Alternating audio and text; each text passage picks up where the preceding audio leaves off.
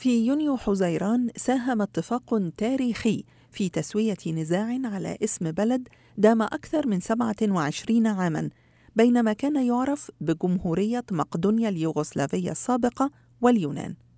رجل واحد المبعوث الشخصي للأمين العام ماثيو نيمتس قاد المفاوضات بصبر وعزيمة نيابة عن الأمم المتحدة لأكثر من عقدين من الزمن.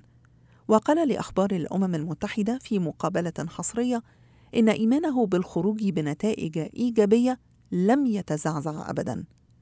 في النهاية أنجزت مهمة السيد نيمتز بنجاح عندما صادق برلمانا البلدين على اتفاقية بريسبا برعاية الأمم المتحدة ودخلت حيز التنفيذ رسميا في الثاني عشر من فبراير شباط ليتحول اسم الدولة من جمهورية مقدونيا اليوغوسلافية السابقة إلى جمهورية شمال مقدونيا.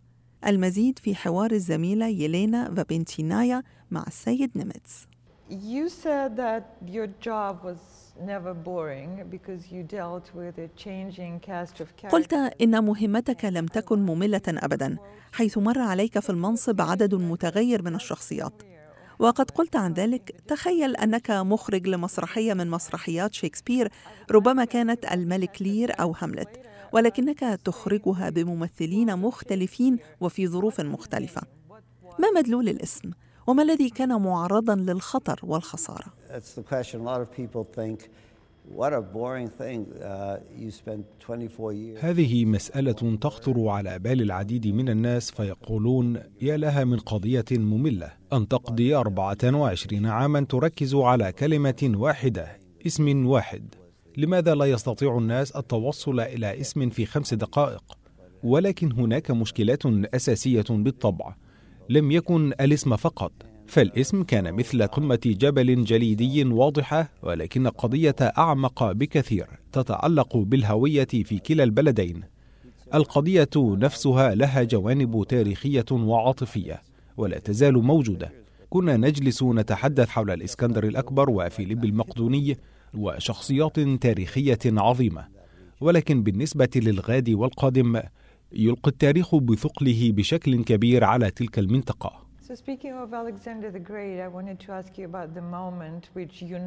both. بمناسبة الإسكندر الأكبر أود أن أسألك عن تلك اللحظة التي وحدت الطرفين ضدك حينما بدأت تماثيله في الظهور في اليونان وشمال مقدونيا ماذا حدث؟ One of the issues was uh, إحدى القضايا كانت الإرث التاريخي وما إذا كان تراثا مشتركا أم تراثا يونانيا. كانت هناك تماثيل للإسكندر الأكبر في شمال مقدونيا وكانت هذه مشكلة في اليونان. كانت قضية غريبة وغالبا ما كنت أضرب مثلا بتمثال يكرم غاندي في نيويورك على أنه لفتة لطيفة. ولكن إذا ادعينا أن غاندي شخصية أمريكية فسيشعر الناس في الهند بأن هذا أمر غريب جدا. وما حدث حينئذ هو إنني قلت تعليقا غير لائق. في إحدى المرات التي أدليت فيها بتصريح غير صحيح ومهين إلى حد ما عن الإسكندر الأكبر قلت لماذا ينصب اهتمام الجميع على الإسكندر الأكبر؟ ربما ينبغي لنا النزول عن ذلك. غضب الجميع مني على الجانب اليوناني وفي جمهورية مقدونيا اليوغوسلافية السابقة. كان علي أن أعتذر وأسحب بياني وأقر بعظمة وتأثير الإسكندر الأكبر الذي أنجز أشياء مدهشة ونشر الثقافة الهيلينية في جميع أنحاء العالم وحول المنطقة بأكملها من اليونان إلى أفغانستان وما وراءها وإلى الهند.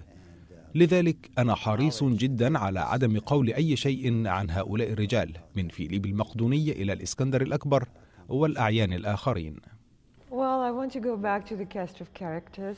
My question is once they change. ما الذي كان يحدث عندما يتغير عليك الوزراء والقادة؟ هل كان عليك أن تبدأ من نقطة الصفر؟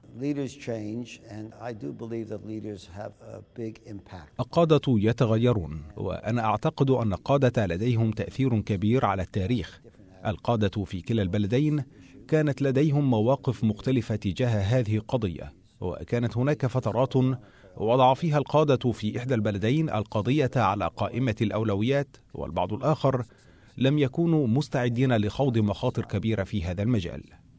ولكن أعتقد أن الجانب الإيجابي وأحد الأسباب التي أدت إلى هذا الاتفاق هو وجود توافق بين الزعيمين رئيس الوزراء اليوناني تسيبيراس ورئيس الوزراء زيف في جمهورية شمال مقدونيا. اللذين قررا حقا أنهما يريدان حل هذه المشكلة من خلال حشد الزخم السياسي لذلك وخوض بعض المخاطر وتقديم بعض التنازلات? ما الأسماء الأخرى التي كانت مقترحة؟ Well, we, we, over the many years, I presented many ideas of names, and على مدى عدة سنوات قدمت العديد من الأفكار عن الأسماء لم تأتي مني فقط ولكن من آخرين أيضا اقترحت في يناير عام 2018 قبل أكثر من عام بقليل خمسة أسماء مختلفة.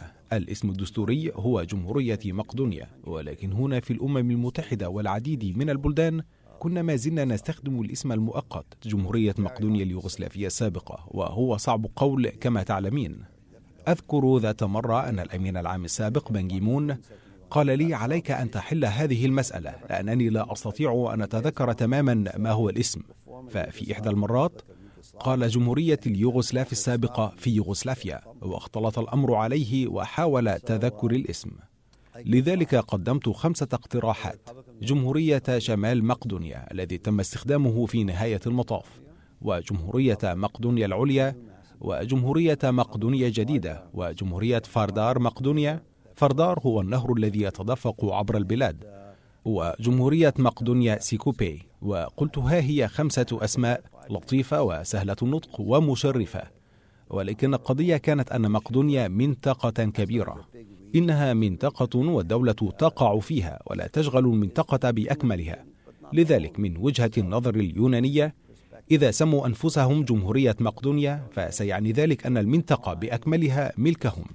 المثال الذي كنت أطرحه هو دعنا نقول إن السويد غيرت اسمها من السويد إلى اسكندنافيا فماذا سيقول النرويجيون والدنماركيون؟ ماذا يعني هذا؟ هل يعني أنهم ليسوا اسكندنافيين؟ ولكنك ثابرت على العمل ما الذي حفزك على الاستمرار وعدم الاستسلام؟ um. أنا لا أحب أن أستسلم بادئ ذي بدء إنه أمر مثير للاهتمام للغاية ولم يرغب الطرفان في طردي.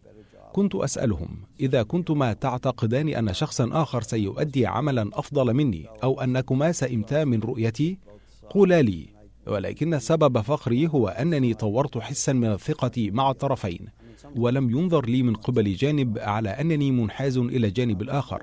وفي بعض الأحيان قد يقول لي أحد الأطراف أنت تتحاور أكثر من اللازم مع الجانب الآخر ولكن بشكل عام على مدى 24 عاما حافظت على علاقات جيدة مع كلا الجانبين وأشعر بالرضا حيال ذلك So your job is done. You've been paid a lot of money for it, a whole of what, 20 dollars? انتهت مهمتك وجنيت منها الكثير من المال عشرون دولارا على مدى عشرين عاما Well, it's a dollar a day, a dollar a year, a dollar a year, not a dollar a day, a dollar a year. دولار واحد سنويا وليس دولارا واحدا في اليوم. الشيء المضحك هو انني لم أحصل على هذا الدولار ابدا. لم يعطوني الدولار في الواقع. اشتكيت ذات مرة وقلت أريد راتبي ولكنهم دفعوا رحلاتي وأجرة الطيران الخاصة بي وفندقي. في إحدى المرات تلقيت اختارا من موظف الخزانة هنا في الأمم المتحدة. قالوا لي إنهم دفعوا مبلغا قدره 12 دولارا و50 سنتا. أو شيئا من هذا القبيل قبل عامين. نرجو إعادة هذا المبلغ. لذلك قلت سأعيد لكم مبلغ ال 12 دولارا و50 سنتا لكنكم لم ترسلوا لي الدولار السنوي